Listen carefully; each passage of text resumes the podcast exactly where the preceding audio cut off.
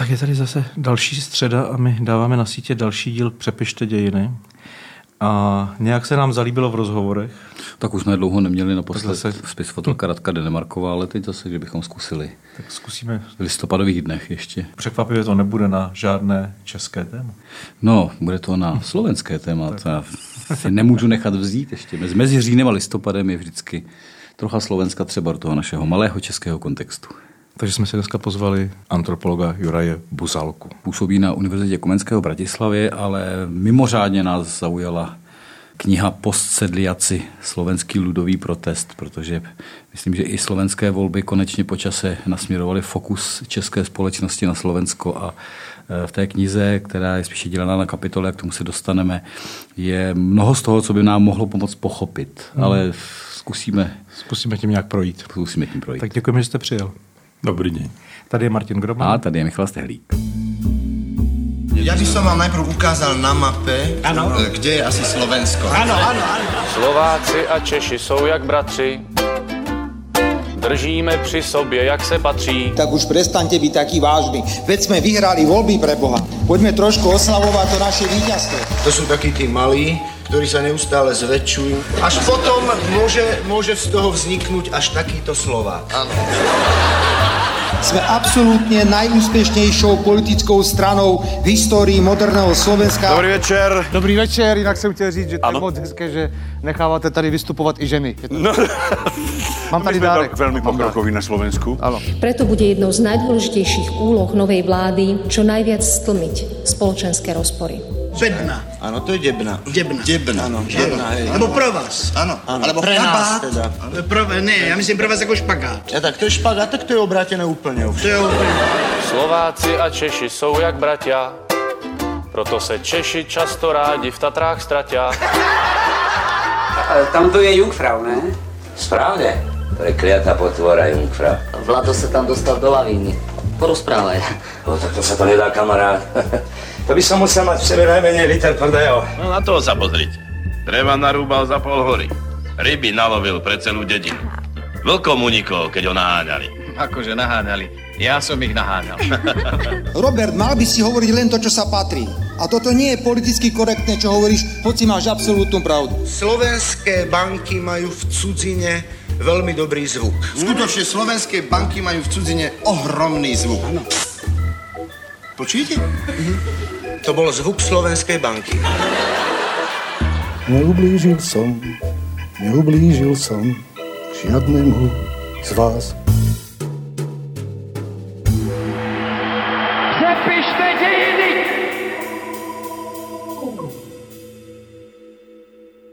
Pane Buzalko, mohl byste vlastně mi vysvětlit, kdo jsou postsedláci? Postsedláci sú moderní Slováci. Sú to ľudia, ktorí sú ale moderní vo svojej spoločnosti len niekoľko generácií, niekoľko málo generácií, povedzme dve, tri generácie a v tých rodinách a v tých habitoch ľudských, medziludských vzťahoch, e, zároveň aj politickej prevádzke sa prejavuje tá agrárna minulosť ako nejaká pamäť. Pamäť živobytia, pamäť e, čias starých otcov a mám a v princípe sa snažím nejak popísať, alebo skôr opísať, keďže som antropolog, tak etnograficky opisujem, ako sa to prejavuje. Lebo štruktúrálne tá spoločnosť vykazuje všetky znaky modernej priemyselnej spoločnosti. Dnes my sme možno nazvali neskoro modernej. Nás samozřejmě vždycky zajímá jako i, i to srovnání s tím českým prostředím, kdy my možná vnímáme ten český charakter jako hodně měšťansky položený, třeba od toho 19. století. A pokud se tady bavíme o dvou, třech generacích zpátky ve smyslu slovenské společnosti, řekněme jako... Jsme v normalizaci. No, generačně jsme ještě jako 50. a 60. léta můžeme být, potom normalizace že ten venkovský charakter, řeklo by se jako po česky, je tam jako mnohem silnější. Souvisí to třeba i s tím, že s venkovským charakterem je spojen jako nějaký konzervativismus nebo nějaká jako tradicionalita? Je to opravdu konzervativismus? A jako ten Práve tomu som sa chcel vyhnúť, lebo vo všeobecnosti počúvame o konzervativizme veľa, ale ak si pozrieme nejaké kľúčové charakteristiky, tak tí ľudia používajú internet, jazdia na moderných autách, sú zamestnanci firie medzinárodných, a štátu, cestujú po celom svete, hovoria jazykmi, Čiže to, všetky tie také parametre sociologické veľmi nesedia, čiže potrebujeme sa pozrieť niekde inde a preto nemám rád ten termín, alebo nemám rád. Zdá sa mi nepresný termín konzervatívny, mm. pretože aj ten konzervativizmus, ktorý tam máme, alebo ktorý vo všeobecnosti v Európe alebo v Severnej Amerike momentálne vyzerá, že je na vzostupe, tak jednoducho je tiež veľmi moderný fenomén, ale možno o tom inokedy. V tom slovenskom kontexte ide skôr o nejaký nedávny efekt, alebo efekt nedávnych transformácií sovietského typu toho vidieka. Predstavme si, že Slovensko bolo ešte po druhej svetovej vojne zásadne rurálna krajina, kde dominovalo agrárne samozásobiteľstvo, istý typ príbuzenstva, isté väzby komunitné a náboženské a tak ďalej, zvyky, tradície. A to vlastne sa dramaticky transformovalo počas Československej socialistickej republiky a v podstate tie 70. a 80. roky, e, teda obdobie, na ktoré dnes ľudia spomínajú v strednom a staršom veku, ako na obdobie mladosti, to bolo vlastne obdobie relatívnej rurálnej prosperity. Môžeme si hovoriť potom, že prečo, ako to bolo po 68. cez chlieba hry, hmm. tak vlastne ten slovenský vidiek práve vtedy, keď už povedzme ten český české prostredie zažívalo istý druh krízy, aj by som povedal materiálno politickej, tak vlastne ten slovenský vidiek ešte zažíval taký vrchol konjunktúry. Máme jako e, různé plynutí času mezi českým a slovenským prostředím. To myslím, že jako plyne vlastně jako jinak. No a posedliaci sú vlastne tí, ktorí sú rurálni moderní ľudia, ktorí sú produktom hlavne toho socialistického modernizačného projektu. Ono to je vidět, když se podívá člověk na výsledky voleb, třeba posledních na Slovensku, že tam jsou vlastně dvě centra výrazná a nejen z výsledků, ale z toho sčítání třeba bylo viditelné. Ta, ty výsledky nabíhaly jinak, než jsme v Čechách zvyklí, protože u nás ta velká města eh, ty výsledky ovlivní mnohem víc ve finále, v, tom posle, v té poslední části. Tady už ten sprint, jak my jsme třeba zvyklí, vlastně najednou nebyl ten finální, což ukazuje na jiné rozložení strukturu toho obyvatelstva. A když mluvíme o venkovském lidu, Živí se Slováci zemědělstvím? Práve, že vôbec nie. A to je iba akoby ďalší dodatok k tomu môjmu argumentu, že Slovensko má možno porovnateľnú zamestnaneckú štruktúru ako hociaká západná krajina, neviem, Holandsko. 2-3% ľudí v polnospodárstve, neporovnateľne menej ako v Polsku alebo v Maďarsku, možno dokonca porovnateľne s Českom, ale napriek tomu ten vidiecký charakter pretrváva. Sú to skôr takí vidieckí proletári. To je tiež produkt socialistickej industrializácie, keďže nedobudovala mesta a mestskú kultúru, respektíve nedalo sa to tak rýchlo spraviť, tak jednoducho vybudovala fabriky na dedine a tí ľudia potom pestovali e, svoje ekonomické vzťahy a praktiky po práci. Jasně, takže vlastně máte prostředí, kde ta normalizace, ten, jak si říkal tehdy, reálný socialismus, vnese tu industrializaci, vnese ty fabriky i do těch míst, kde historicky nebyl žádný průmysl, zaměstná ty lidi, oni se odkloní od toho zemědělského základu, té své tradice, řekněme, no a po roce 90 ty fabriky na mnoze začnou krachovat, nebo se transformují, nebo je někdo privatizuje a tak dále a vnese to do toho pocit nejistoty. Je to, tak nějak. to bude asi taká základná sociologická mm-hmm. schéma, která tu funguje. A ta nejistota samozřejmě vede k pocitu, dřív bylo líp. Určite je tam aj nejaký druh nostalgie, ale pozor, základu. je tu e, iný typ nostalgie, ako sa zvykne publicisticky uh-huh. alebo ideologicky argumentovať. Ten môj argument je, že to je vlastne nostalgia za tým, čo ten komunizmus nedokázal urobiť pre tých ľudí, alebo paradoxne, čo im e, dal nezamýšľanie. A to je relatívna taká na tej úrovni každodenného živobytia relatívna sloboda a autonómia rozhodovania o tom, ako si pomôcť, ako si rozhodnúť o budúcnosti, ako stavať dom svoj pomocne mm. so susedmi. Čiže paradoxne nezamýšľaným dôsledkom posilnenia ortodoxie komunistické počas normalizácie na Slovensku bol prejav také každodennej možno slobody istého typu najmä v tej ekonomickej rovine, takej prosperity a to je to, za čím ľudia smútia. To je tá istota, že tá stabilita toho systému, že my si to vieme posedľacky spraviť, napriek tomu, že komunisti, najmä českí, teda nám hovoria, ako sa máme modernizovať, aký sme socialistickí občania. Ale zároveň jako je to teda cesta i k eh, individualizaci jako těch, těch zájmů Nebo naopak to vytváří jako ty komunitní vztahy? Skôr by som povedal, že tam nie je konflikt medzi individualizmom a kolektivizmom, ale že tam je nejaká špecifická Eh, akoby kontinuácia nejakej, nejakej rolníckej komunity, skôr ako ten dedinský charakter tých vzťahov. Komunita své pomoc, vzájemnosť. Presne tak, aj dokáže vlastne potom, po tom roku 89 zjemňovať dopady ekonomickej krízy. To pokračuje, akoby to je nejaká inštitúcia, ja ju eh, spájam, volám to postagrárny dom, eh, vlastne, alebo domácnosť, kde vlastne tí ľudia dokážu cez tú inštitúciu aj by som povedal, ľahšie zvládať krízy. Je to jako, když jsme se bavili v jiném kontextu někdy v létě o e, téma tradiční rodina, tak jsme, tak jsme uváděli příklad, že vlastně česká společnost e, hodně přišla o ten pojem e, rod, mezi rodem a rodinou. A ta širší komunita, která je třeba jako takhle, takhle venkovská, která si dokáže pomoct, že ano, v Nějškově prostě transformace kapitalismu přinese problém, ale vždycky tady máme ten zvyk i z té normalizace jako pomoci sami. Vlastně, ale nejenom v té užší rodině, ale vlastně v té jako komunitě rodové nebo, nebo širší rodové s těmi vztahy. No, jenže tam je ta, to, to, o čem vy mluvíte, to rozumím, to se i viditelné celkem i u nás. E, tam, kde ten komunismus, nebo ta normalizace, ten reálný socialismus vlastně v rámci zachování klidu ve společnosti a udržení se vůbec u moci toleroval spoustu projevů té společnosti, které právě budili pocit té svobody. Můžu si trošku dělat, co chci, zvláště v tom prostředí, kam už tam moc nedosahovala, což byl často právě ten venkov. Ať už to bylo to své pomocné, jak jste říkal, ty vztahy, ale třeba i vlastně násilí třeba v rodinách. A tyto, tyto záležitosti, které ten režim nepostihoval nějakým způsobem. No tak... určitě nie len násilie a zároveň aj kontrola toho, keď tam ano. to násilie sa vyskytlo. Že my ne. zabudáme, že to malo aj vlastné mechanizmy, ano. povedzme, e, sociálnej kontroly. A... Tak. Ale že, že vlastně tam nebyl postih tam byla někde, hranice byla poměrně benevolentně nastavená. Nebol tam postih neosobného práva, alebo štátu, alebo trhu.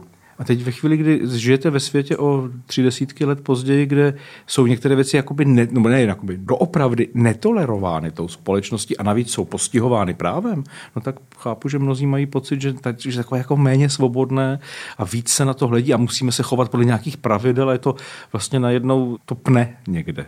Není to tak tak volné, jako to bylo. Tomu vlastně rozumím. No. Já možná ještě... Já si, Než bych s tím souhlasil. Já si, já si, pře, já si přepnu. No. Tak si přepněte. No, já jsem zmínil ty slovenské volby, samozřejmě, eh, kdy je to vnímáno třeba z české, z české strany eh, samozřejmě eh, velmi často na těch extrémech, když prostě mluví podpredseda Smeru retorikou, kterou, jako, která nás šokuje, vlastně spojí soudruhy slovenského národního povstání, nazve liberální směr jako liberálním fašismem a prostě jsou to jako věci, které nás jako matou a zároveň tam, tam někde i ta česká společnost podle mě vnímá jakoby roli toho silného vůdce v čele strany, jo? že vlastně vy máte jako jednu z těch hezkých kapitol, nebo hezkých ve smyslu analytických, o trvácnosti romantického vodcovstva, kde vlastně to jde téměř mezi jako až mítem štůra a můžeme to dotáhnout až eh, k dnešku.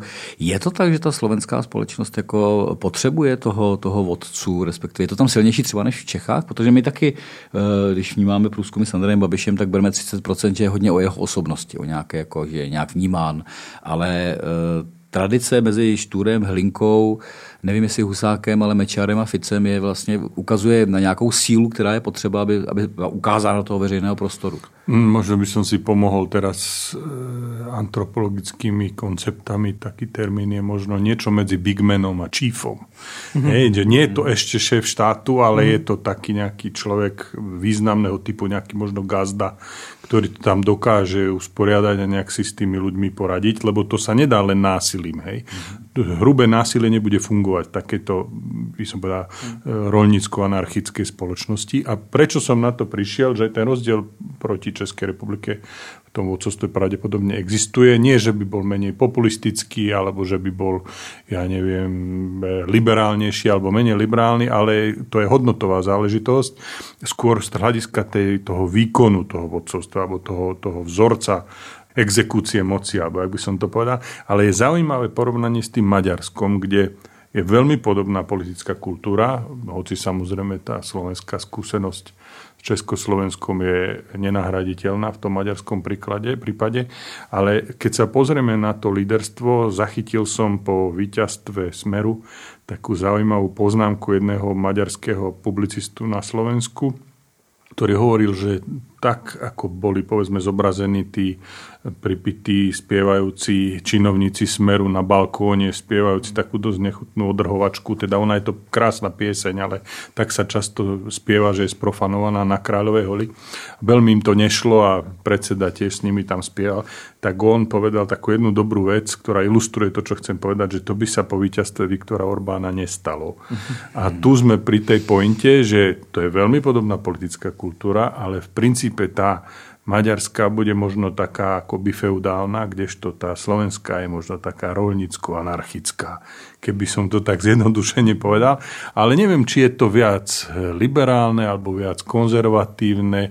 Ako... Já mám pocit, že z toho, co se tady bavíme, že ty pojmy vlastně jako přestávají fungovat. Že, že vlastně do nich nenacpeme. Když je budeme přesně charakterizovat, tak to přestává fungovat jako ať už Lebo používame do značnej miery západné kategórie na prostredie, ktoré neprešlo vývojom, povedzme, ako západná Európa. A tu možno ten český prípad je trošku iný, keďže tá industrializácia, urbanizácia, demokratizácia začali o mnoho skôr. To se mi líbí, že bychom vlastně měli eh, nahradit pojem lídr pojmem gazda. Ale gazdovstvo je to, je to myslím, jako no, on to třeba popisuje v případě severomoravských jako třeba horníků nebo hutníků, to popisuje Jan Balabán, samozřejmě eseisticky, spisovatelsky, není to antropolog, byl, byl to spisovatel. A on tam přesně říká jim vlastně mnohým, eh, nezáleží na nějaké svobodné volbě nebo svobodném rozhodování, protože to nikdy nedělali, nebyli na to zvyklí, nevědí si s tím rady. To, co oni čekají od života v té jakoby realizaci, v té profesi nebo v tom jako veřejné části toho života, je to, že s nimi bude jim ten život vést férový Steiger. Takže vy, tam máte na severu Steiger. My máme Steigery, vy máte gazdy a myslím, že, ty, že tohle vlastně je blíž tomu vnímání, než jako pojem třeba lídra, který vlastně musí být v čele tím, že je nejvíc nasazen do té akce. Že on je prototypem toho, kam, kam to táhne, zatímco ten gazda ani Steiger nemusí tohle No, být vlastně. ale tam je to důležité, co tady padlo, že tam nestačí to násilí. Že? On musí mít Hmm. zároveň nějakou autoritu, schopnost mluvit s těmi lidmi, eh, vlastně oni eh, nějak, jak bych řekl, se po našem vysvětě nějak je porovnat, Prostě Mhm. porovnat i v rámci zájmu a směru jako, jako té komunity. Já se ještě vrátím do svého oblíbeného 19. století. Tam máte takovou uh, vtipnou podkapitolku, která se jmenuje Štůr jako vinetů. Co si pod tím mám představit? Samozřejmě já to spíš vyberu pro posluchače, já jsem si to pozorně přečetl. Jako polovina 19. století a vlastně za- zakotvení Ludovíta Štůra i náčelníka Apačů v díle Karla, Karla Máje vlastně do stejné doby. A vlastně proč tohle srovnání jako Štůr jako V Vinetu? podstate zámer bol úplne jednoduchý. Vtedy bol rok Ludovita Štúra a bolo také trúchlenie za Ludovitom Štúrom akoby Chybí politické. chybí bola, ani nie, že chybí, ale viac menej to bola taká akoby povinnosť to, to pripomenúť a mm-hmm. bol ministerstvo kultúry sa do toho ešte vtedy za smeru, Marek Maďarič bol ministrom. No a práve vtedy zomrel Pierre Brice, barón z Brie, eh, herec, ktorý hral vymyslenú postavu. Ano. Teda Karla Maja, ktorý nikdy nebol.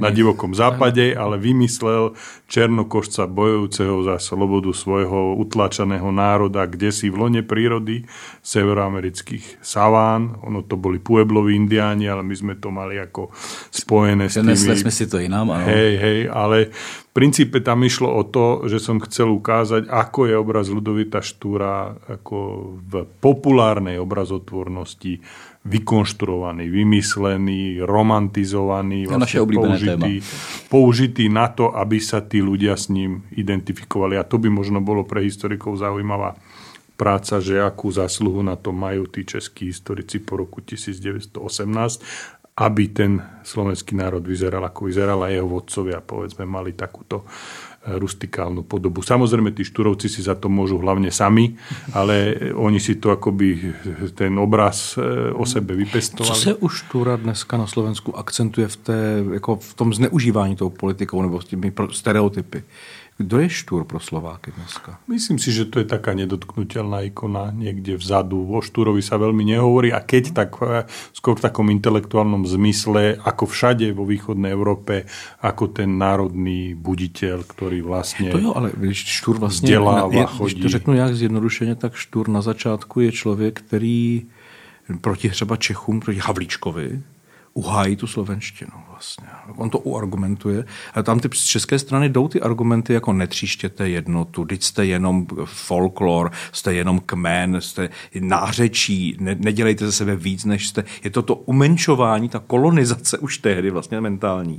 A ten Štur tam jako eh, bojuje velmi srdnatě za tu slovenštinu, tu dnešní v podstatě. No, to, to je politický projekt. Tak, no. Ale končí to prostě uh, slovanstvem a světem budoucnosti. Světem no, budoucnosti, to je jedna což je poznámka. už úplně někde daleko od toho. Ne, to už bol Takže mimo. proto se ptám, co z toho zůstalo. Uh, nikto to slovanstvo nečítal, samozrejme. Dokonca ani tí najnárodnejší z národných väčšinou nečítali. To sa niektorým ale ľúbilo, no? Lebo to, keby, ste, keby si to prečítali, tak s tým ako nemôžu súhlasiť. Ale je to nejaká akoby ikonická záležitosť, o ktorej sa nepochybuje a tam je možno niekde tá konštrukcia toho rusofilného slovenského národa, čo je samozrejme to je spisek, je ideologický rusofilský. konštrukt, ale možno k tomuto sa vrátime, k tejto akoby rusofílii, alebo tomu, ako to ja vidím, že či je to naozaj všetko tak rusofilné, ako je to podľa tohto narratívu začínajúceho. A nie len štúrom, však to bolo už u Kolára inde.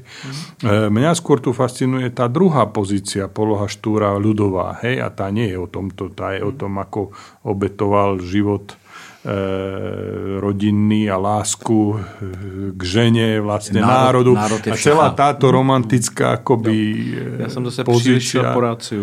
No Zrada. nie, nie, podľa mňa ten ľudový príbeh je veľmi jednoduchý a to je zase zaujímavá vec, pretože to vzniklo až asi v 50. rokoch, keď spisovateľ Ludo Zubek napísal Jaradeli, Jaradeli Ostrolúckej, ktorá sa stala povinným čítaním a Už tým pádom běží. ľudia si myslí, že naozaj to tak sa stalo. A nevieme, ako sa to samozrejme stalo, ale je to dosť veľká fikcia, podľa mňa. Štůr někde vzadu v těch hlavách je vlastně pořád, sice nevyřešený, ale pořád, eh, když už se i po volbách eh, tohoto roku jako dělají internetové mýmy a vtipy, kde dokonce zaznívá Štůr směrem k volbám. Nevím, jestli jste to viděl. To byl ten obrázek, kdy prostě nějaká rurální krajina se zemědělcem a má tam bublinu. Říká, eh, v těchto volbách jsme opět navázali na štůrovskou tradici. Střelili jsme se do nohy. Jo, a teď vlastně jako... Je potřeba říct, že to byl důvod, proč umírá, když se postřelí, postřelí na, na lovu, ale vlastně je to jako hra s tou historickou realitou, kterou všichni znají, ale je to přenesené vlastně jako ve vtipu, samozřejmě jako ironizaci do toho, do toho dneška. Ale já si myslím, že v té kapitole, co máte, eh, když budeme o- eh, od Štura nebo, nebo Vinetua, je to otázka i těch dalších osobností, respektive vnímání jako síly, síly té osobnosti. Navazuje na to nějak, eh, asi ne vyřčeně jako eh, Fico a, a ty, ty, jako ty, ty náro- národní momenty smeru k, Myslím si, že do značnej miery áno, ale najmä s tou takou rustikálnym národovectvom, takým ako kultivovaním aj tých kultov od Cyrilometockých až po neviem aké. Ono je to zase, keby sme sa pozreli, veľmi silne ovplyvnené normalizáciou a komunistickým nacionalizmom slovenského typu, povedzme po roku 68, Mináč a spol. Ale funguje to veľmi dobre medzi ľuďmi, lebo však to bolo v školách bežne, bežne prítomné. Ale v tej súvislosti ma napadlo niečo iné a teraz neviem spomenúť, že, ja, že, že vlastne, ale my máme tendenciu vnímať, že vlastne tu je nejaký Fico alebo predtým Mečiar alebo niekto, kto reprodukuje nejaké konzervatívne reakcionárske líderstvo, ale ja vlastne si tam trúfam len naznačiť, analýzu toho som veľmi e, hlbokú nerobil, ale že vlastne aj tí ostatní lídry, povedzme, porovelučného obdobia potrebovali nejakým spôsobom mať túto romantickú polohu. hej. romantické líderstvo tam používáte. No práve, že, že bez toho sa to vlastne e, urobiť nedá. Však v podstate pani prezidentka tiež zvíťazila na princípe také akoby ženy bojujúcej s veľkým biznisom, chrániacej drobných ľudí z malého mesta s rolnickými koreňmi, v, niekedy dokonca v kroji bolo vidieť v kampani. Ako celá tá pozícia je vlastne taký, taký ľudový romantický obraz. Jak se jí stalo, mimochodem, když jsme se o ní zmínili, že se právě od političky, nebo spíš nepolitičky, která byla schopná v té kampani a po ní propojovat různé vrstvy v tom slovenské, slovenské společnosti, což evidentně bylo možné, jinak by nebyla zvolena. Odchází vlastně z toho úřadu, nebo brzy odejde, jako člověk, který je na Slovensku i tady vlastně řazen tak jako opra- opravdu liberálně, jak se říká, kavárně, jako což je příměr, který nemám moc v oblibě, ale s ní je velmi často zmiňován. Ale Juraj Buzelka má i v té knize něco jako fenomen kavárny, k Ano, tomu se možná dostaneme. Takže pěkně jste jako narazili i na něco, co tam je. Ale vlastně je to vyostřením té společnosti? Myslím si, že sa snažila niečo zmeniť a nejakým spôsobom posunúť aspoň z hľadiska toho úradu aj tú rolu a zodpovednosť hlavy štátu Myslím si, že to zvládla, ale tá spoločnosť e, je dosť rezistentná, takže ju vlastne umiestnila, hoci ja si myslím, že mnoho bolo, mnohokrát bola až príliš korektná, až príliš civilizovane jednala, najmä s ľuďmi, ktorí ešte teda príborom sa učili jesť len nedávno. Takže bolo to, je to veľmi ťažké potom pre ňu a v podstate ju to upratalo niekam úplne inám, ako bola tá jej pozícia toho zjednotiteľa počas kampane. Ale tu si treba ešte uvedomiť, že ona vlastne zvíťazila samozrejme hlavne vďaka vlastnej charizme a schopnostiam, ale ale zároveň treba si uvedomiť, že tam bola veľká demobilizácia a roztreštenie tých reakcionárskych hlasov. Bola relatívne nízka účasť a to je umožnilo vlastne aj cez samozrejme excelentný výkon tej kampani vlastne zvíťaziť. Či sa to bude opakovať, to neviem. Niekedy ešte na Slovensku. Já jsem tak hezky jako nalistoval No to chápu, že jste si nalistoval. No. Sociologie alkoholismu. Jako subkapitola, která eh, mě tam zaujala, eh, kdy samozřejmě eh, začíná to i pasáž. Protože vás zaujalo slovo sociologie. Ne, ne, ne, ne, ne jako mě zaujal Martin Butora, který tam zmíněn, čímž ho srdečně zdravíme i, i v éteru. Vlastně sociologické kapitoly z alkoholismu a vůbec váš vlastně pohled na tenhle ten fenomén, třeba subkapitola, já to říkat česky, abych jako ne, neprostil slovenštinu, byť jako slovakista, jako pití a identita. Jako to je nebezpe, jako nebezpečné téma. Já si myslím, jako vlastně eh, poodhalovat třeba nějakou tu realitu, která v té společnosti je, protože tady když jsem si našel sociologické průzkumy z roku 1992, co dělal třeba Fedor Gál a, a spol v rámci rozdílnosti třeba Čechů, Slováků a Maďarů, jak na sebe nahlížíme, tak třeba i z hlediska Maďarů na Slováky, anebo i Čechů na Slováky, tam ten alkoholismus, respektive alkohol a pití byly vnímány, ale ne naopak. Přitom si myslím, že Češi teda jsou na tom s alkoholem docela, docela závažně i v rámci jako celé. Děkujeme za ptání. Celé Evropy děkujeme za ptání, rádi.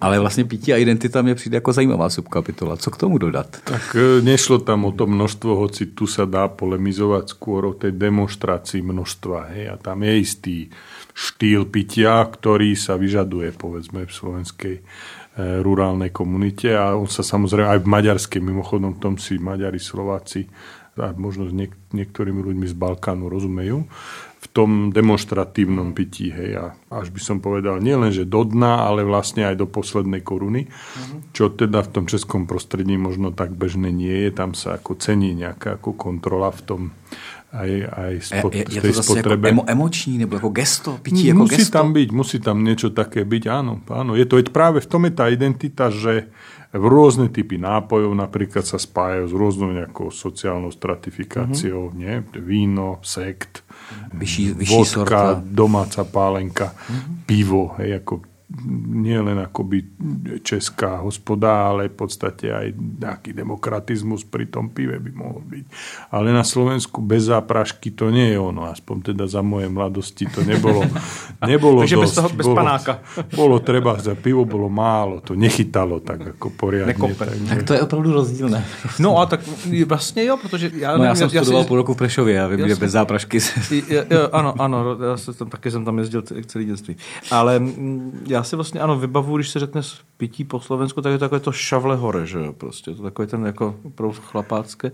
Zatímco eh, na té Moravě třeba, na, Valašsku se, když jsme na té pálenky, jinak tam se budeme bavit asi hodně o víně, ale na tom Valašsku třeba spíš se říká takové to jako večer šohaj, ráno šohaj. Je tam to jako udržitelnost určitá v tom. jako ne, nepřežeňte to, abyste ráno mohli fungovat. Nie, nie, to, to podľa mňa platí aj, aj tam, ako sprasiť sa ako neslobodno. Je to veľmi dôležité práve, že dobrý pijan je ten, ktorý si udrží e, ako sa udrží Na na nohách. nohách. a na druhý deň ráno fičí a najmä ide na nákup žene alebo proste robí dobrého otca. V tomto mimochodom bol nedostižne obdivovaný pán prezident Zeman, že teda takýmto akože bravúrnym spôsobom dokázal fungovať a pro- zmysluplne. Že ešte propíjí jako životem a přitom smysluplně funguje. Vlastně, Áno, jako, že, a tá, že vie vety ale, ešte. Ale, ale teda. myslím, že ženě na nákup ráno nešel. Jasne. To je. No ale to jako gesto toho chlapáka tam vlastně jako Jo, bolo, ne- bolo, no, bolo, presne tak. Nájdeme archetypy. No ale možno by bolo dobre spomenúť Martina Butoru, lebo Určite. to bola esej, ktorú som napísal pri príležitosti jeho životného jubilea. Je to naozaj autor, ktorý však on sa venoval iným veciam, ale z núdze cnosť vlastne on je zakladateľom sociológie alkoholu alebo alkoholizmu.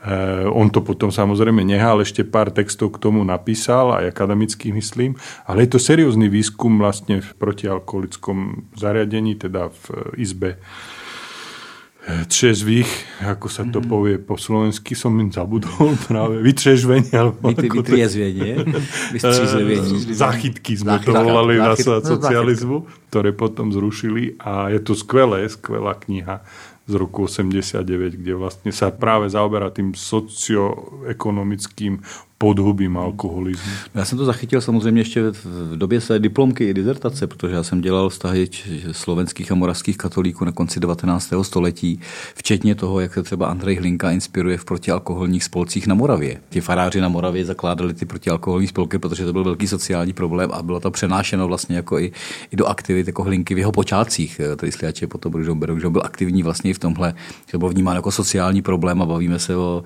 140 letech zpátky. Vlastně jako nějaké jako tradici a vnímaném problému tehdejších horních úher slovenské společnosti. Tak jsem to měl nějak v paměti. Já bych to alkoholu, jsme to už uzavřeli. Já, já jsem, Mám, máte dopito? Já jsem mám dopito. Tak abych se posunul ještě k jinému pojmu. Nelze si nevšimnout, jak je kolem té volební kampaně plevelně a masivně, a to takže na všech stranách z toho spektra se používá na Slovensku slovo fašismus. S čím to souvisí, kde se to vzalo a proč tak moc? Dobrá otázka neviem, nie som literárny vedec ani nejaký analytik diskurzov. Já jsem viděl nějaká čísla, které já nevím, jestli jsou jako, jak moc důvěryhodná, ale tam to vypadá, že během deseti let se ten výskyt třeba v tisku znásobil 600krát, což je strašidelné. Ale vždycky, vždycky je tam jako nějaké adjektivum. Je to nějaký liberální faši, liberální fašismus, genderový fašismus, zelený fašismus. To je vlastně hloupost. A fašisti jsou vlastně všichni, protože vzájemně, se onálepkujete, tak kruhem se dostanete k tomu, že... No možno je to preto, že ten fašizmus to neměl. nikdy až takú ako ozajstnú podobu nemal. Ja mám analytický koncept dedinský fašizmus, mm-hmm. ktorým sa snažím vysvetliť takú radikalizáciu populizmu v niektorých ako segmentoch spoločnosti. Aj mali sme k stranu, ktoré je líder, aj niekto jednotliví reprezentanti, mali sme v parlamente, ktorí boli označení za extrémistov alebo neonacistov, alebo jak sa to povedalo. Čiže bol to aj akoby terminus technicus, ktorý mal uh-huh. dokonca súdom potvrdenú pravdivosť. No ale zase by som hovoril, že väčšina tých fašistov alebo voličov fašistov je vlastne, oni nevedia, čo ten fašizmus uh-huh. naozaj je. Hej. To je ako oni nevedia, čo je ruský režim Vladimíra Putina, tak preto sú akoby proruskí. To sú nejaké ilúzie o, o tom, aj o je tom fašizme. sen a predstava. Aj o, tom, o svete, ktorý presne, není. O svete, ktorý nie je. Čiže je to, je to možno také, ako na, preto to nadužívanie. Hej. A taký ako pán podpredseda parlamentu Blaha to používa, pretože to funguje. Tie dezinfové by s tým prišli, celá propaganda okolo, taká antivesternická vlastne s tým pracuje, takže oni veľmi dobre majú tie výskumy, oni vidia, ako tí ľudia vnímajú. Hej. A vlastně to vrací, když jsem Blahu právě poslouchal při výročí SNP, Slovenského národního povstání, tak jsem dostal pocit, že se to vrací jako do mentality západ versus východ ve smyslu jako cokoliv od nás na západ jsou ty fašisti, jako kdyby tam někde vzadu seděl ten Němec a cokoliv na východ jsou ti, co nás můžou osvobodit. Jako, by se to, jako kdyby 70 let zmizelo a, a zůstalo to jako pevně zakotveno prostě, ano, antiwesternizace ve smyslu jako západ je ten fašistický a musíme ho téměř jako denacifikovat ještě stále. No, mě napadla poznámka, vy mi to vysvětlíte. E, jste říkal na západě, že tam sedí ten Němec. Sedí tam pro Slováka Němec nebo Čech? Myslím, že Čech nie. Aspoň zatiaľ nie. Hoci môže sa to zmeniť, to môžeme byť niekedy prekvapení. My sme taký západ. Sme, za, jasne, že ste západ. Zatiaľ máme takú zaujímavú populistickú internacionálu, v Strednej Európe, teda teraz uvidíme, čo spraví ten polský príbeh, ako sa odvinie, ale jeden z najhistorickejších akoby tenzií, teda zo pohľadu Slovákov, Maďari ich majú viac, je slovensko-maďarský a tam panuje nádherná harmónia medzi novozvolenými lídrami. Dokonca presakujú informácie o tom, ako si pomáhali a že vlastne slovenskí Maďari na želanie maďarského premiéra volili stranu Roberta Fica, ak si spomeniete, čo to bol za hungarofóba, akým jazykom narábal ešte pred 10-15 rokmi, tak je to naozaj strašné, ako ľudia zabúdajú. Ale v princípe ide o nejaký akoby populistický spor, ktorý napríklad, pokiaľ bude pretrvávať nekompatibilita českých a slovenských vládnúcich elít, tak môže sa ľahko zmeniť. Zažili sme to za Mečiara, za rozdelenia republiky, aj by som povedal aj z tej jednej strany, aj z tej druhej. Takže tu by som bol akoby trochu skeptický. Ale myslím si, že zatiaľ nie, že zatiaľ teda ten, ten, ten Čech nie je západ. A hlavne preto, že nie, nemá akoby mocenské ambície, nemá veľmoc nejakú imperiálnu ako a už nemá žiadzu. Vliv a nemá vplyv, samozrejme, my sme rovnako ako montujeme pre Nemecko. My takže... sme na stejno a montujeme pro Německo. ano, na co já jsem narážoval, ta poměrně častá asi slovenská představa z minulosti, že vlastně ty věci často přicházely jako projev jako pražského centralismu. Ať už to byla republika jako taková, ať už to byla mm, strana a vláda. Strana a vláda, totalita. Ještě stalinismus, komunismus. No, stalinismus, komunismus, komunismus. No, český zaviedli. výmysl. Ano, Slovensko bez Čechov by sme neboli, prosím vás. V roce, v roce 46 chtěli něco něco úplně jiného a to je tiež dobrý mýtus, ale hej, no, tak to voľby urobili. No. Když jsme jako pěkně u toho československého konceptu, nedávno byl 28. říjen, jak ho prožívá jako slovenská společnost? Je tam nějaký posun, nebo je to už takový, jako to je vlastně jedno? Teraz sme riešili eh, s priateľmi, práve aj s Rudom Chmelom a eh, Láslom Sigetým, ktorí sú takými duchovnými otcami tej knihy. Sme spomenuli, že aj 17. november teraz prebieha vo veľmi takom skromnom duchu na Slovensku. Možno niečo sa udeje v Bratislave, ale ako keby to rámcovalo takú formu zabudania, alebo že to je niečo, čo na Slovensku veľmi dobre funguje, z čoho mám ja teda strach, že vlastne to nie je veľká udalosť. Ako vznik Československej republiky je absolútne fundamentálna vec pre čokoľvek, čo dneska niekto robí v mene Slovenskej republiky. Nemal by hranice, nemal by e, systém republikánsky, nemal by vlastne nič bez tej Československej, bez legionárov, bez toho celého projektu medzivojnového by dneska mohli slovenskí holopupkáči národní niekde, ja neviem čo robiť. Hej. Mohli by byť kľudne Maďari alebo možno Marťania, to je úplne jedno. Skrátka, bez toho to nemá žiadnu logiku, ani historickú, ani politickú. A napriek tomu, ako nie je ten 28. oktober nejaký zásadný sviatok na Slovensku, ale snažili sa urobiť 30. E, oktober, teda Martinskú deklaráciu, mm. teda prihlásenie sa tej veľmi úzkej skupiny, malej skupiny Slovákov k spoločnému štátu, ktorí sa vtedy boli schopní stretnúť. Ale ani to nefunguje, samozrejme, lebo tomu chýba zase ten ľudový akoby obsah Čiže myslím si, že tu je skôr niečo ako anomia, alebo ak sa to povie, že proste anémia, no, zabudanie. Anémia. Hmm.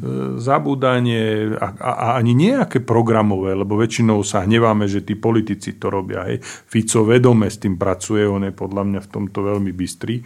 On samozrejme to nechce z iných dôvodov, ale je to aj, by som povedal, niečo v takej všeobecnej kultúre spomínania. Na Slovensku možno to súvisí s tým posedliactvom, o ktorom píšem, že vlastne dejiny sú teraz. Akoby, hej. Pre toho rolníka on nepotrebuje niečo zbierať z minulosti. On, on žije teraz, teraz potrebujeme prežiť zimu, a čo my tu budeme riešiť storočnú nějakou jako históriu. A je tam něco třeba jako slovenské národní povstání, co má nějakou jako tuhle sílu?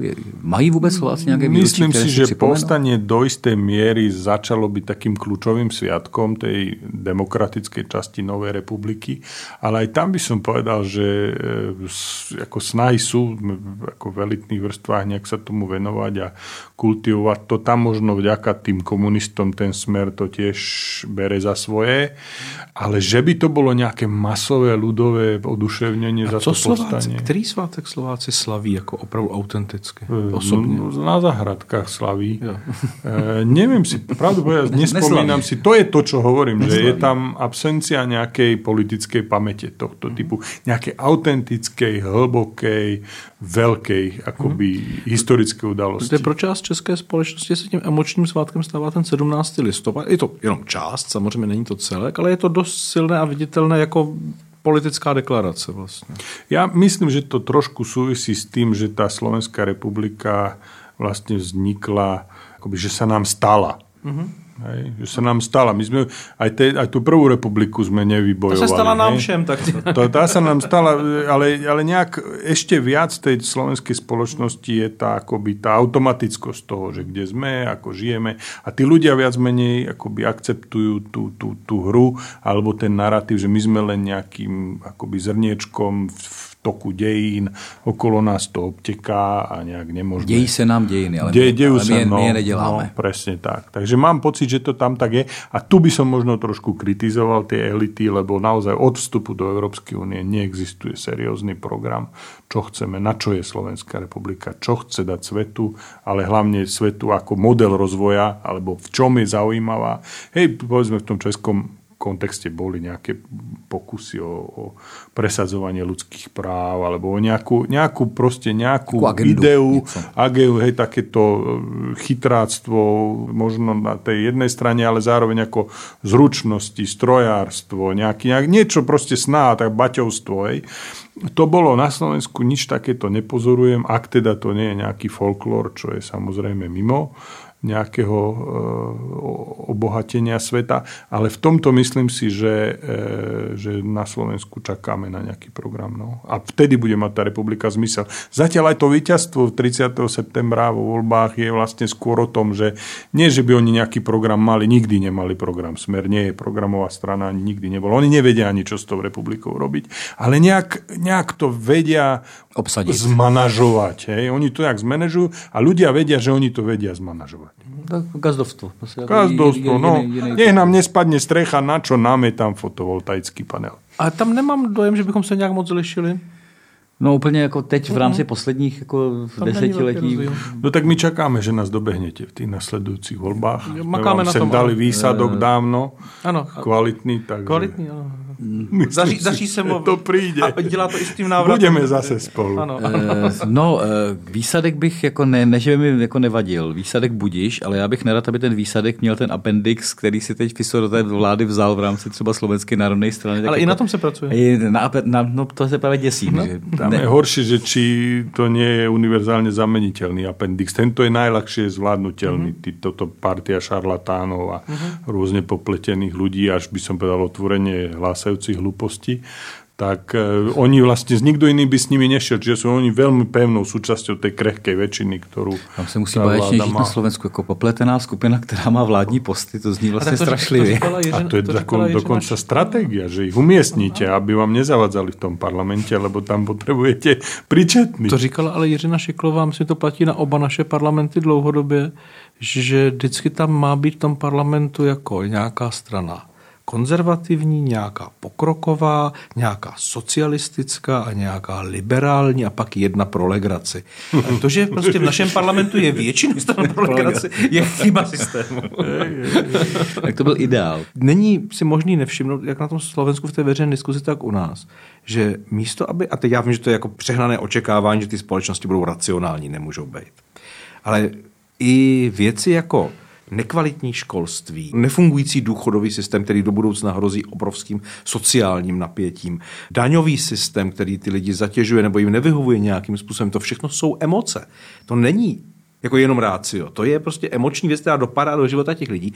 Přesto to nevyhání lidi do ulic, nevyhání to lidi k nějakému jako volebnímu chování a tak dále. A dělají to věci jako sexualita, genderová politika, zelený úděl a tak dále. Proč ta debata je tak vyhrocená na těch emocích, a tam, kde to vlastně není nezbytné? No, to je dobrá otázka. Ja by som napríklad tú sexualitu, to nie je celkom tak o LGBT, to Mhm. je o mnoho hĺbšia o téma, rodine o genderových vzťahoch, o sociálnej reprodukcii, o súkromnom a verejnom dokonca, do akej miery kto má čo kontrolovať. A hlavne nemôžeme zabudnúť, že to nie je o tých, ktorí prinášajú tie LGBT témy, ale to sú tí pseudokonzervatívci, ktorí prinesli sex do politiky. Mhm, Ich záujem je len o súloži sa rozprávať v podstate, o kontrole k- e, Protože reprodukcie. to budí emoce a tím pádem to poutá pozornost. Áno, a je to vlastne zástupná téma Kromě niečoho toho, že je to hlbšieho, jasne. čiže ja to vôbec nevnímam ako nejakú iracionálnu, Mm. e, iracionálnu diskusiu. Trošku ma prekvapilo, že napríklad nemocnice alebo diálnica Ficova do roku 2010, ktorú konečne už do roku 2010 budeme mať, teraz keď už je tu Fico štvrtýkrát. Je to super, žijete v To bol jeho slogán, absolútne. Tak to ma trošku prekvapilo, že ľudí to akoby ten hnev, ktorý sa tam po tom trojročnom cirkuse, ktorý na Slovensku naozaj objektívne bol, e, vlastne zatemnil im, zatemnil mozgy, lebo ten Fico im nič nedá zase. Hej? Abo dá im len trošku. A, a opäť my kaviareň nejak prežijeme a niekde sa uplacírujeme, ak sa hovorí, ale zase si to odnesú tí voliči. Hej? Že tí nebudú sa mať tak dobre, ako by sa mohli mať, no a toto už asi očakávame príliš veľa. Zase by som použil môj koncept posedľactva, že proste lepší vra- vrabec v hrsti ako holub na streche. No se to pořád vrací k tomu jednomu principu, ale když tady by byla zmíněna to jako kavárna, Miloš Zeman to používal nejenom on, to, to má No. mnohem starší. Eh, Nebý, nebýt pražské kavárny nebyl- nebylo by národní obrození. Já si, já si občas říkám třeba u zmíněného Rudolfa Chmela, který padl, že je to poslední, u jehož jméno padlo, že je to jako poslední žijící slovenský liberál. Jakože liberalismus na Slovensku je vlastně protimluv jako v daný moment. Ale určite aj prvý možno, taký systematický a posledný. To zní vlastně strašně. Jako. No, lebo ten jeho politický príbeh akoby pasuje do toho krátkeho obdobia, dajme tomu, konjunktúry liberálnej demokracie. Možno sa vraciame do normálu všeobecne v strednej Európe, že to bola to, to výnimočné v dejinách, čo sme tu zažili teraz posledných 20-30 rokov po roku. Otázka je, eh, popsat ten normál, aby jsme se nevyděsili. No ja si myslím, že v tomto voličov presvedčajú veľmi dobre populisti. Oni hovoria, my sme tí normálni. Oni im šíbe, to oni chcú vám tu zaviesť akože gejov do, do izby. Na čo vám to je? Veď my vieme, čo vám ako, Sme ako normální. treba. Normálni sme. Veď to je, to je život. Zdravý sedlácky rozum. No čo a to mě, to mě vede přesně otázce, kterou už chvilku uvažuju, když se řekne selský, Proti Rusku sa hreď sa nedá zvíťaziť. Selský rozum. Se, Selský rozum. a když se no. řekne selský rozum, neděsí vás to? Tak ja som z, ako sám zo sedliackého To ja rodu. taky, a, ale- ale práve proto. A práve preto ma to Ja desí, taký lebo, ale aj to mám v tej knižke, že, že vlastne to nie je automat, že tí ľudia sú akoby prirodzene e, reakcionársky a že toto budú voliť. Ale keď nemajú alternatívu a tí ostatných nevedia presvedčiť, že majú ten rozum, nevedia hovoriť ich jazykom, nevedia im ponúknuť veci, ktoré môžu im pomôcť. Oni im rozprávajú nejaké abstraktné ide, A indexy právě- a burzy. A, a není to chyba zase těch, kteří sedí v té kavárně a třeba rozumně nahlíží na vývoj Slovenska, že jako se neprosadí nebo, nebo nevstoupí jasne. eh, Ale to je jediná cesta. To je o tom je štúr, nie? že treba ísť medzi ľud a kultivovať. To je môj progresívny populizmus, tak to volám. No ta Čaputová to na začátku ukázala. Že, Myslím si, že veľmi že to dobre. za nějakých No, ale konstelací vzdala možné. to. Jasně. no. Progres, progresivní populismus, ale já myslím, že tohle překročení hranice a mluvit jako stej, podobným jazykem, ale zároveň jako aspoň mít pozornost, že, že to není jako něco cizího, co přichází z té jedné zlé kavárny, teda možná druhé v Košicích, ale jako, jako kavárenský přístup, eh, to, to možná je cesta, ale otázka je, jestli úspěšná, když se vracíme do toho normálu i v Čechách. Uvidíme, co udělá Polsko, přesně jak jste řekl, Maďarsko je dost, dost jasné. Ta střední Na Evropa, dlho, na dlho. ta střední Evropa se tak jako di- divně jako dostala na takový jako neúplně pozitivní půdorys.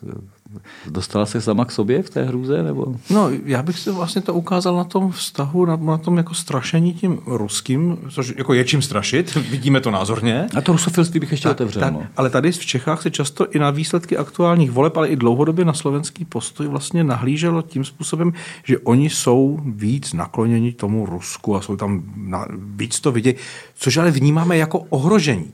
Mm-hmm. Jako e, válku na Ukrajině mnohem víc ohrozí vlastně dění v Izraeli, než dění na Slovensku. A já si vždycky říkám, jako, kdy, kdyby Slovensko nepomáhalo Ukrajině, tak to pro tu Ukrajinu neznamená vlastně ve finále vůbec nic. Kdyby pomáhalo Rusku, tak to znamená ještě méně pro to Rusko. Jako, však proč se toho tak To děsíme? Rusko to tak dáva najevo. No, dáví, no, protože ví, jaká, v jaké je rozložení sil. Ale je že? to symbol. Děsíme To se, je- že se nám rozpadá svět.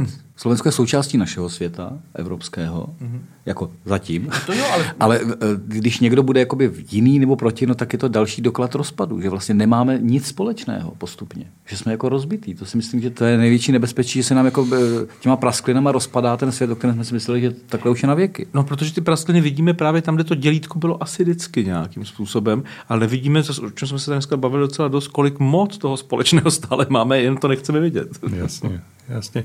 No možno ešte tam nám Ukrajina kúpila nejaký čas. Mhm. Myslím si, že keby tie ruské vojska boli v Užhorode, tak sa rozprávame inak. To si tí Mhm. voliči e, slovenskí tiež nie celkom vedia predstaviť a keby sa to udialo, tak by to Možná hneď, si hneď vypra- vedeli. možná bychom si vyprávěli i někde Ale jinde. trošku k tej slovenskej rusofílii je to taká zvláštna sebaorientalizácia Slovákov, ale tiež by som bral s rezervou tie e, strašidelné sociologické výskumy, pretože keď sa pozrieme na to, čo tí ľudia vlastne hovoria, oni neschvalujú vojnu, ani agresiu, ani nič také, ide opäť o nejaký vyšperkovaný pocit takého bytia v strede, že len nech sa ma svet netýka. To je skôr taký, to je istý druh pacifizmu toho rolníka, ktorý vie, že keď sa postaví na nejakú stranu, tak dostane šupu hneď. Čiže to je veľmi také racionálne správanie, že veľká časť tých rusofilov tam je naozaj málo, takých tých autentických, ktorí chcú, ja neviem, tvrdý režim. A, čiže tie sociologické preskumy nám niečo hovoria, ale treba veľmi opatrne e, nárabať s tým, že čo vlastne je obsahom toho slovenského napríklad postoja k ukrajinskej vojne. Ja som sa stretol s ľuďmi, ktorí alebo ruskej agresii na Ukrajine, ktorí na jednej strane akoby nadávajú na Ukrajincov, že sa bránia a na druhej strane im poskytujú príbytok vo svojich domoch. To som zažil na vlastnej koži. Čiže je to také zvláštne, že tá pomoc Slovenska Ukrajine bola v podstate, Fico už môže si dovoliť povedať, že nič nedá, čo nie je pravda. Mimochodom, oni dajú hodne a ďalej pokračujú hufnice a náboje, Ale granáty. firmám to nezamezí. No, veď presne, môže svojim voličom povedať čokoľvek, lebo tí zožerú, mu to zožerú, že je zastavenie e, ako pomoci Ukrajine, ale že tí, to Slovensko tam už všetko dalo, čo malo v podstate sa hovorí. To už viac sa nedalo dať, takže chvala pánu Bohu za to. Tak. To mimochodem s tím selským rozumem, s tím pragmatismem, který se s tím jako ideově v někde Čechách, pojí. v je klid na práci. Tak, tak. Tak já si vždycky vybavím toho svého slovenského dědečka, který během války měl ten, no, on měl i potom, když jsem já byl na světě, tak měl na tom dvoře ten sklep. Takový ten sklep, co není pod domem, ale co je samostatný, že jo. A během té války tam ukrýval partizány, Němce i fašisty. A proč? Protože to vždycky dobře zkásnul. No, To je zároveň ne- vec. jako, A fronta se pohybovala, Fronta Ale tiež nevedel, ako sa to, To je- skončí. to je přesně no, tak. ale, presne ale tak. princip byl jasný, ale jako To mi Miro každému. Polák, úžasný človek, aktivista, bývalý splnomocnenec z vlády pre Rómov, vylúčené rómskej komunity na Slovensku, hovoril príklad z, niekde od Michaloviec, že pri jednom stole sedí ľudák, komunista a tribunový demokrat a sú to vlastne tri generácie, otec, syn a starý otec. Takže je to možné. A je to tak. Treba mať v rodine jedného ľudáka, jedného komunistu a zišlo sa aj toho demokrata, no ale teraz neviem. Kdyby se asi to převalilo, aby, aby to bylo všechno jako v pořádku. Presne tak. Dobré, já myslím, že jsme to probrali hezky. No, tak já doufám, že se vaše knížka Postceliaci bude číst hodně i v Čechách. Tedy. Tak mne vydavateľ povedal, že slovenské knihy sa v Čechách nečítajú, takže Já budem myslím, rád, ak sa nejaké ako budú. Někteří z nás to dělají a my to jenom doporučujeme našim posluchačům jako k velké pozornosti. Tak možná se dozvíte i dost o sobě, nejen o Slovácích. Děkuji moc, že jste přijel a že jsme si mohli popovídat. Ďakujem za pozvanie. Díky.